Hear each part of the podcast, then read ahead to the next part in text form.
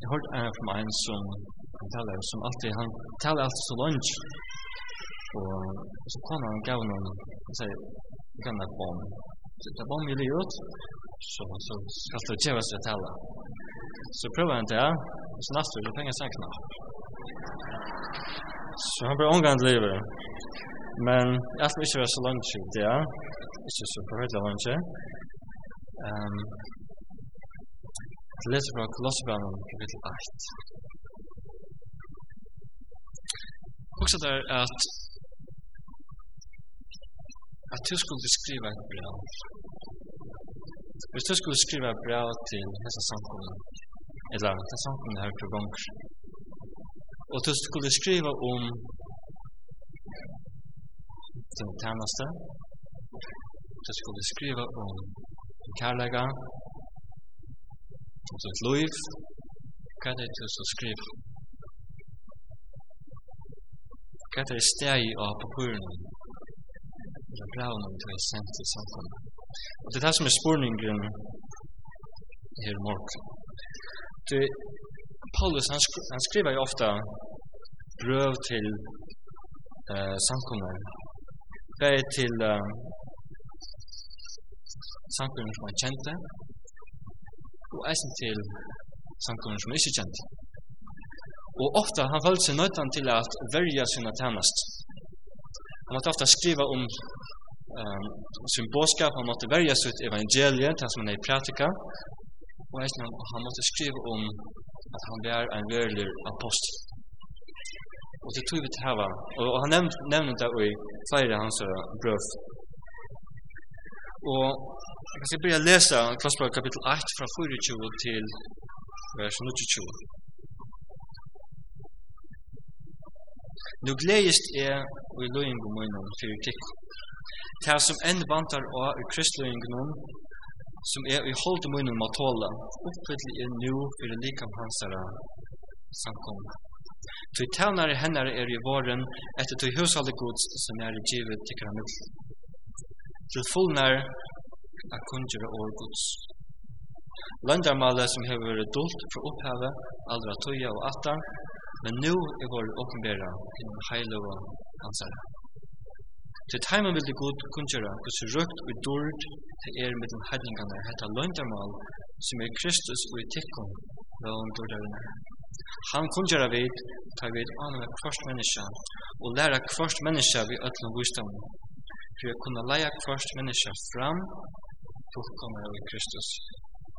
For dette arbeidet eisen er, og strøye vi kraft hansara, som veldig er virkar vi med. Amen.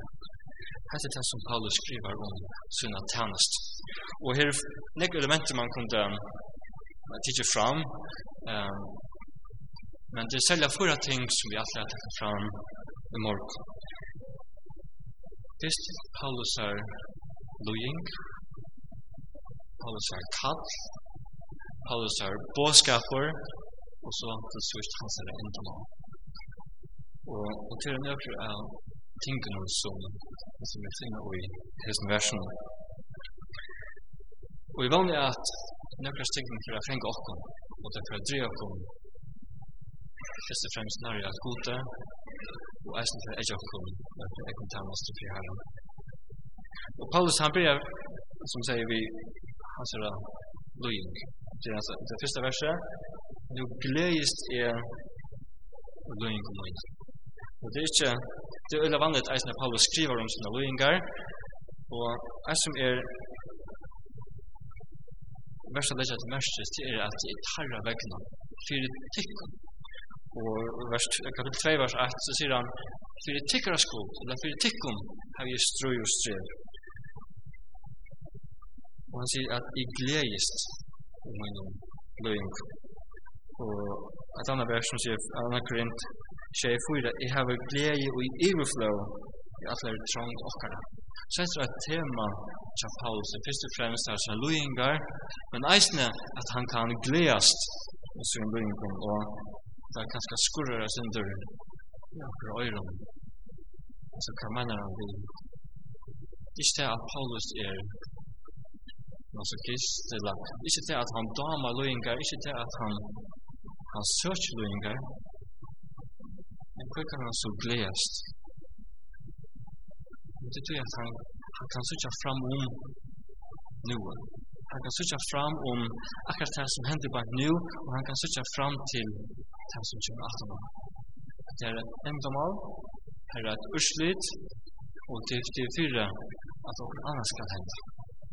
Jeg knøyest i min løyngum til tikkars skuld. Og han veit at at tei, da kristne vi kolosser, tei kunne få en alkohol av at han fyrir jøgnum løyngar. Og for Paulus er det ein at etkjenni av apostolskare tjernast. ta Paulus bare kattar um, 16, ta ta sier Gud vi Ananias, Jeg skal vise honom hvordan nekv han skal loja for navns minns skuld. Så til lukka fra byrjan ja, at Paulus visste at han skulle fære seg loinga fyrir Kristus, og han tåk da. Og Han sier, i gleder er ut, ikke til det stått litt, men du kan sykja fram om hva som er akkurat bannig.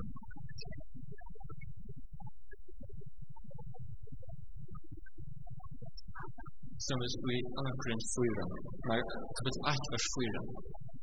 Her ser han at andre endamål i sin løy. Jeg kan lese det ut, jeg kan lusta. Han som trøster okkon og i atlare trångt okkara.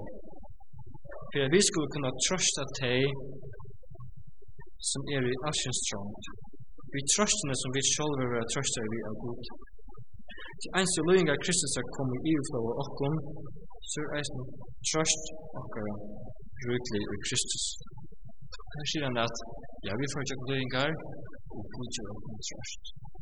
Men noen andre som får ikke løyngar, vi kunne hjelpe teimen som sagt med får ikke løyngar. Og til et, til et av det som Paulus hokser, at han kan hjelpe teimen uh, andre tryggvande som eisen får ikke løyngar, og får ikke ansvar av tøyer. Paulus har tjänast sig alltså i grund av Kristus som fyrhund. Han säger, det finns ju här efter, alltså det finns ju Kristus efter. Och han vet att det er mest i hans herre jag kan loingar. Det er mest i hans herre jag kan crossfesting och spalt och fara. Så kan han eisen tacka det som hans herre tjener. Og Jag vill si här stort på det kanske kanskje så sojespår, men kanske man inte kan sida sporna tills vi har sådär åravält, han säger fytli i munnen kroppen, som man säger, fytli i munnen lika med det som vantar av i kristligen. Och det är inte att från höst till mig som är i morgon, men jag ska lycka med nämna det. tror är att det inte menas vi ikke til at nekka manglar i frelseversen. Det er jo nå sagt alt annet som Paulus sier i Rombranen, i Galatabranen og i Hesenbranen. Og Paulus han brukar omgande i året Um, det første beste året er faktisk det som Dahl sier, trångt, da Dahl omsetter Krist trångtene. Så det kan gjøre vi, altså trångt i Kristus er som for å komme, som er et annet tal, og versene som Jesus tar seg om, Markus og Mattias. Så det er faktisk ikke å gjøre vi at det er mange som nek og det er mange som nek nek av Kristus og løgn og krossen. Så tar det seg Paulus alt om blåve om deian og om krossen.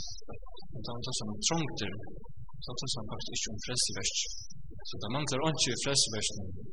Han sier, ja, løgn for å komme, og i tætje min parst,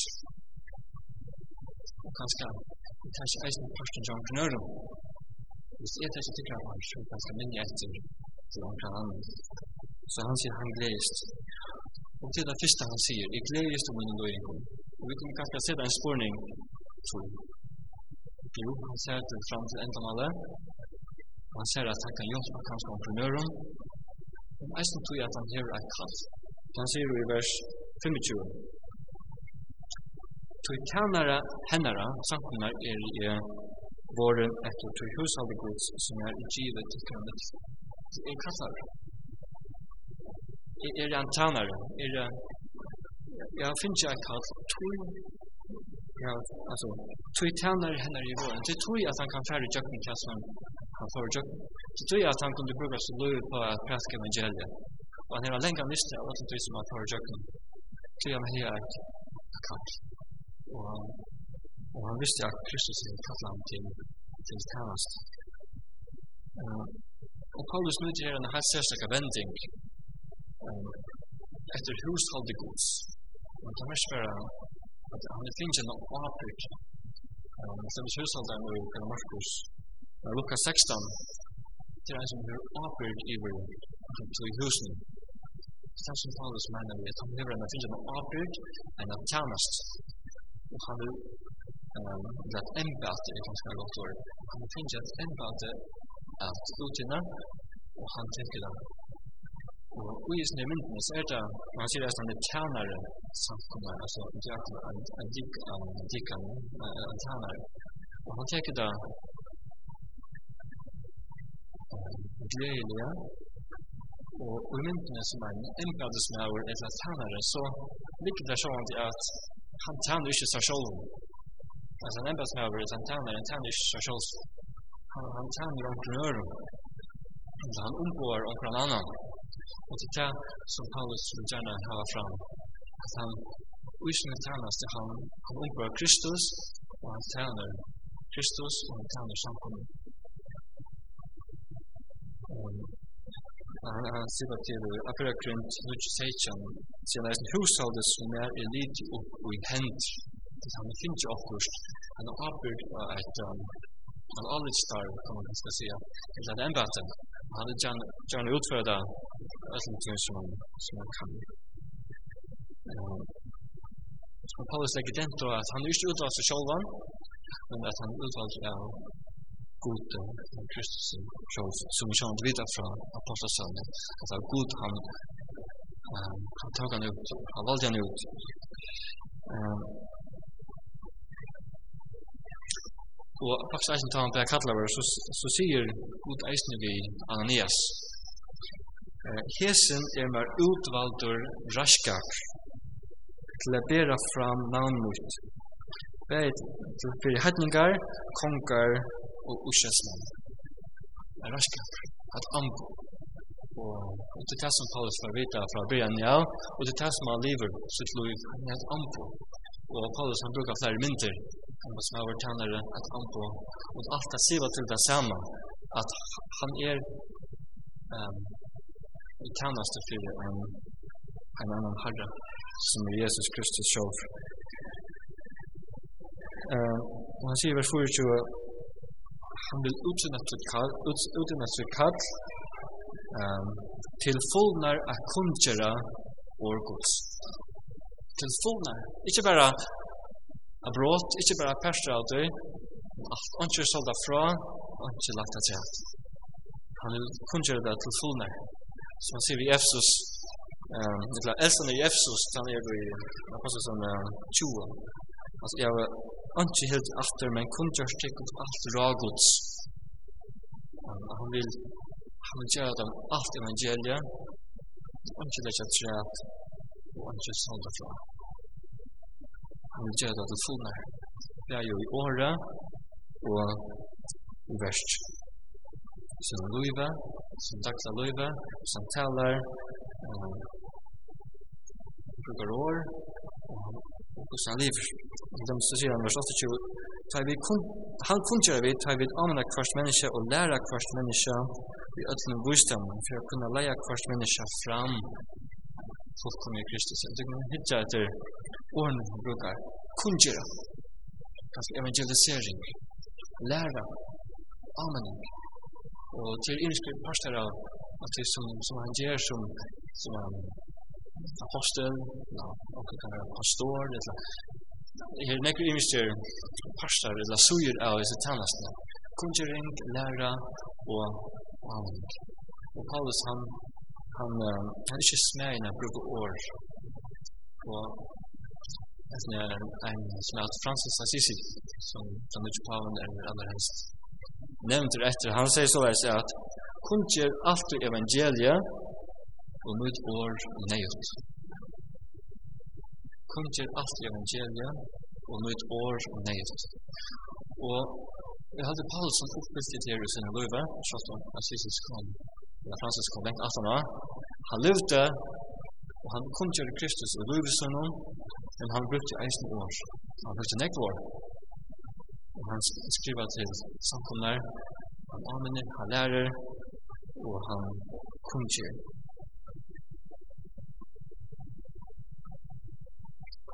Men sjálvan til hans er han talas ikkje bæra år.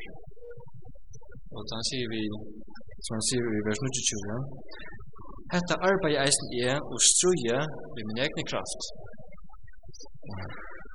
Nei, vi, hva sier det stand der?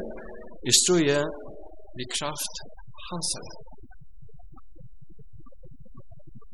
Så vel det er virkelig vi med. Ja, han er strøy, han bruker energi, samles han etter, men vi kraft hans er. Og som han sier vi eh, grint atter, at tala munner ikke det vursdomsåren, men prekt av i andre kraft. Du må lese alle på fra mittlen, du er grinn tjej. Jeg er veikur til fra mittlen, og det er god som virker i kraft. Så Paulus han lever evangeliet, og han bruker år til å tala evangeliet. Så fyrsta, altså en lojink, det nästa hans är kall. Så kommer det til det trea. Hans är båskap. Paulus, vi vet han hever et evangelie som han taler. Og lukka for et sojespår som gjør opp en bakgrund så att kan skal skylde og lyssna til bättre hva det er som Paulus uh, mener vi. Det er hva han legger den da. Så att Alltså om du glömmer vid att kat kat bubblan är, va? Alltså vi skulle dottern, alltså Kolosserbrevet, vi skulle dottern i himlen i silverskal. Alltså det det är brev, alltså till det första så det första det är till fundamentet det är brev. Fast att det är ganska normalt vanligt brev, men det är brev som är sent vid postmannen eller vi omkring fra Paulus til denne sang. Att ordentlig brev Og ja, jeg tykker at er innblåst av gode, og Paulus skriver noen her som er verst for samfunnet at er grunn til evig uh, langt altså sjalt nu, 2018 år, 18 år. Men da Paulus skriver, han skriver inn i en situasjon. Altså det er en grunn til at Kolosserbrevet ble sendt til Kolosse, ikke til Rom. Altså det er grunn til at Corinth analyze and the first Corinth power analyze and Galata row. Så det han skriver til akkurat de kristne som er her, og de har en akkurat særlig tropleikere av Andreas vi. Jo, det er alle sannleikere han, han tåser om, men han skriver akkurat til de akkurat da. Og at ikke Paulus er, som Andreas sier av skolen her, det er at ikke han sier systematiska teologi. At kapitel 8 er om Kristus, kapitel 2 er om Gud, kapitel 3 er om frelsna, og 4 er om endatina. Han er ikke Det er ikke hans er systematiska teologi. Det er bra som er skrevet inn i en situasjon. Og Og det som vi tar så, vi ångte så suttja vi oi, teksten kan det gjøre kanskje annars om. Og det er som aspekt som er ganske bra til og klart. Og vi kunne bruka teksten til aspekt til aftur og hva er hva er hent og Jesus samkommer. Og vi kunne sutja bakgrunnen. Men problemet vi tog er sånn at vi vet ikke alt. Og vi kunne spekulere ordene akkurat hva er hent.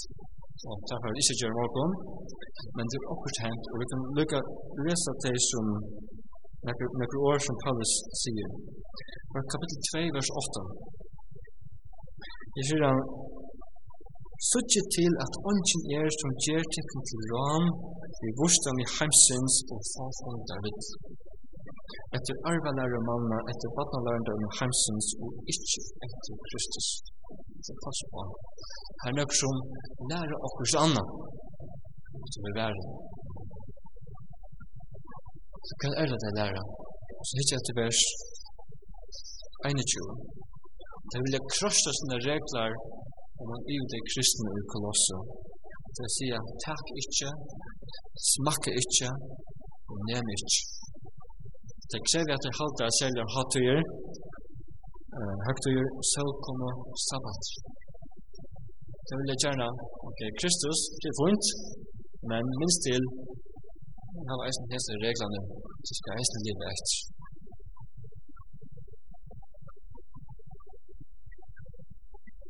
Jesus er ikke nok. Så du får det. Du får reglene træt. Så eisen du får noen seriøm åpenbering. Hemmeligar, eller løgndeligere, eller løgneligar oppenberinger, som leder deg oppleve frelsene til fullnar Og det gjør at det kristne til å være dalt i tvei, nøkker som heva, og nøkker som ikke heva. Nøkker som hava disse løgn i oppenberingene, og sånne som ikke heva.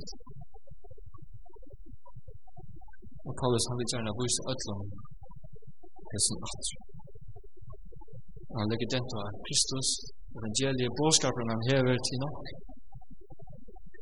Kristus er ikke nekka trett, ikke nekka regler, Vi snakker hemmelig løgnderdommer.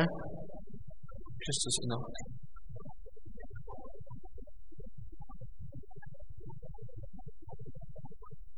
Kristus er nok til frelse.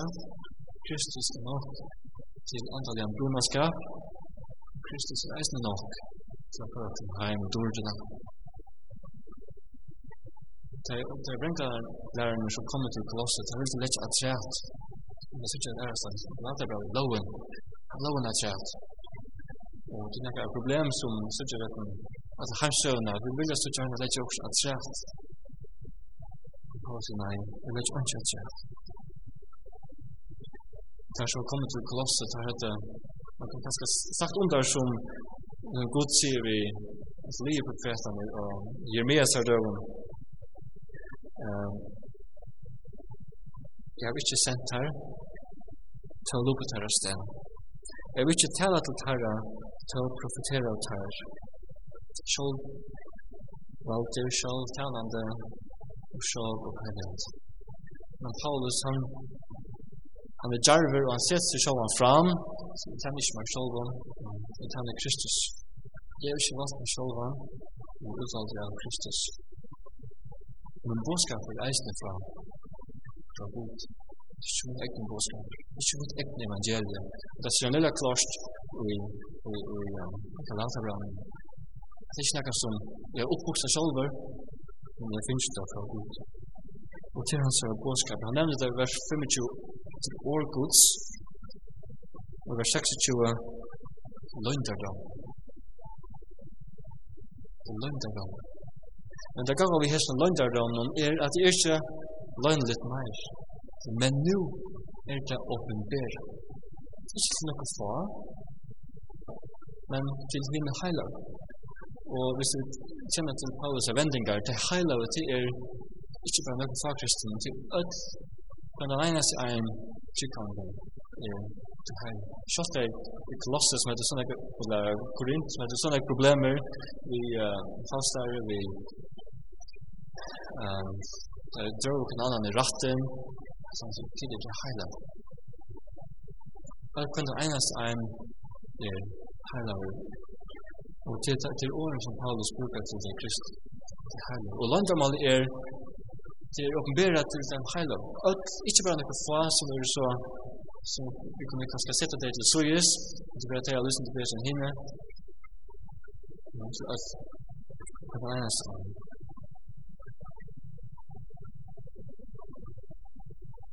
Og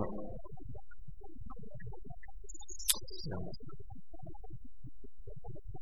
Han kunne gjøre det til å med kvørst menneske og lære kvørst menneske. Vi har til visdom og fyrir å kunne lære kvørst menneske fram fullkomne Kristus.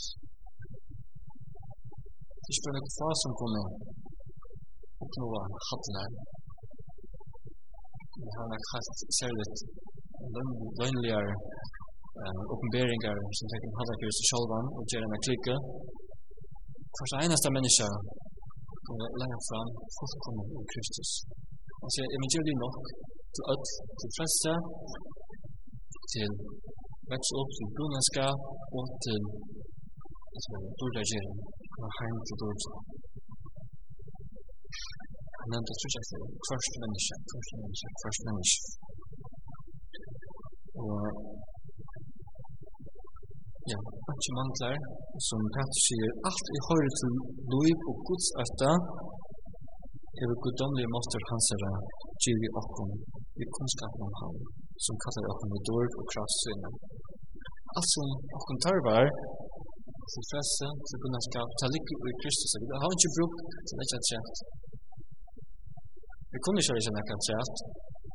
Altså, hvis det var Exempel sig fyra. Och så lägger han ett träd och lägger till urslit. Och så kan inte lägga något träd. Så kan inte lägga något fram. Och det sista som Paulus sier, til han har ett endamål. Nämnde Janne at han er et endamal, til fire teg, fire tikkon. Men så sier han i vers 28, fire et. Han kunne kunde jag her i andre kvarsmänniska, fyrir ert. Så han, han hever han et endamal ut hos man gjer. Fyrir ert. Og vers 2, artikel 2, vers 2, ja. Fyrir ert hjertet herre skulle være trøst. Da legger at Så sier bare til at han gjør ikke bare ståttakar, men han gjør det til at et endamal som arbeid fram og nåt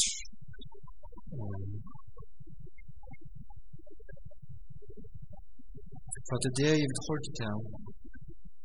Her var vi til ikke helt i pæt av bia for tikkun og bøna om at de skulle fytlas ved kunnskapen om vilja hansere, øtlen vustamme og andre noen ut. Til å leve herren om verdia, som han er lykere løykare allan hård, ved kunnskapen om om god at være avvokst, vekst av etter døgn vers, etter kapittel 8, vers 22. Avvokst, kunnskap, veksa i gøyne vers, til enda endamålet nu, så så han då, kommer hem till Dordjana, som jag med i vers 28. Kristus oi, okko eller tikkun, vån, dutar Vi ser til sjokra det er ikke vann om det här ära löntadomar, men bara av Kristus at det er lyfte som, som evangeliet hever. Så er Kristus liv akkur åpenberas, skulle eisne tid åpenberes vi hånden og i dord, klossebrar 3-4. Så han legger dem til evangeliet nok. Så kommer til til enda. Så kvart mersi til at okkur, eller fyrir okkur. Hva er det vi okkur er gjør? Hva betyr det for meg at jeg får til arbeids og morgen? Ja, når jeg får til arbeids, eller at jeg sitter hjemme sammen med bøttene, Så jeg er i ferie og i Spanien. Hva betyr det for meg? Og jeg kan nå ut enda teksten, at det som er en spegel, at jeg ikke åkken selv. Hvordan lever jeg? Og i som fyra, trakten, eller fyra, kategorierna, de fyra tingen.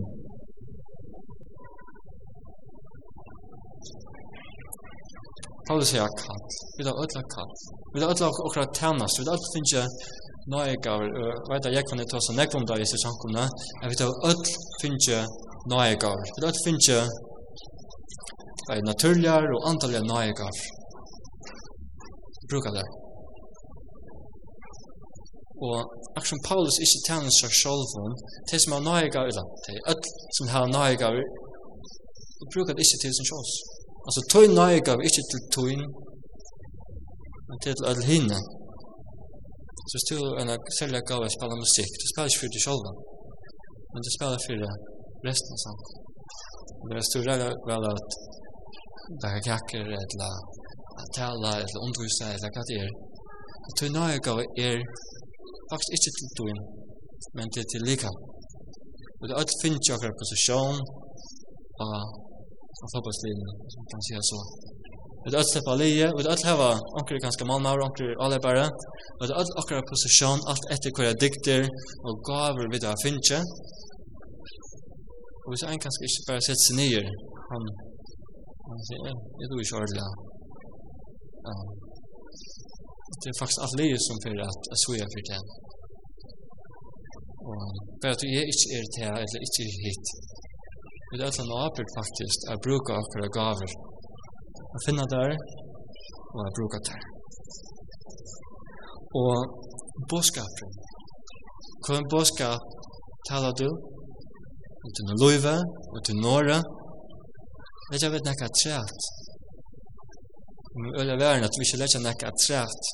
Jo, evangeliet tar om at vi kommer til trygg, at løyvi ombrøytist, og det er pura klart.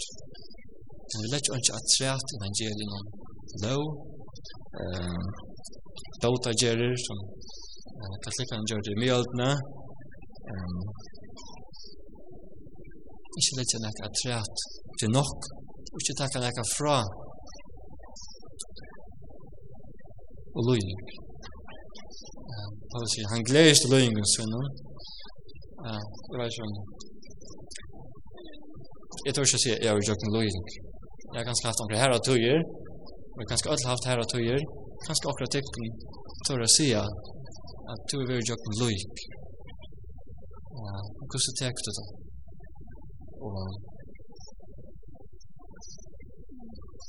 Det er en spurning som vi ødmo skal spyrja oss sjálva Hvordan takker vi det? Hvordan lever vi det i gjørten det?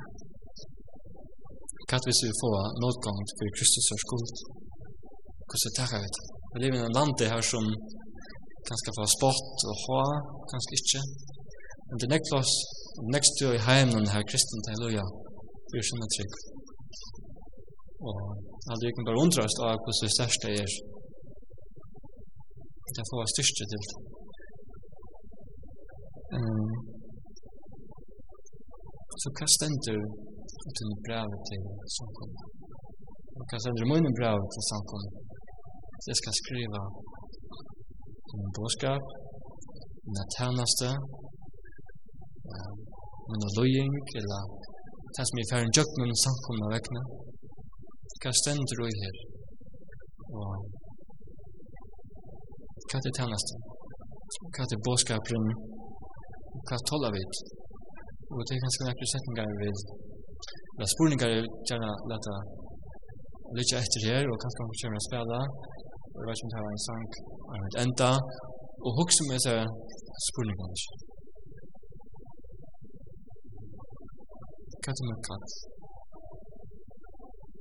Hva er det med bådskaper? Og hva tål jeg for Kristus er kommet? Hvordan er det ikke da, da jeg må Og jeg vann at Paulus er en inspiration og en anmenning til åkken ødel. Og man sier at det er best fremst til meg selv. Og jeg vanlig at det kan skal rett og slett annen eist. Så skal vi ta muskene på fram. Og koksmustingene er en for heim. Og ganske annen eist.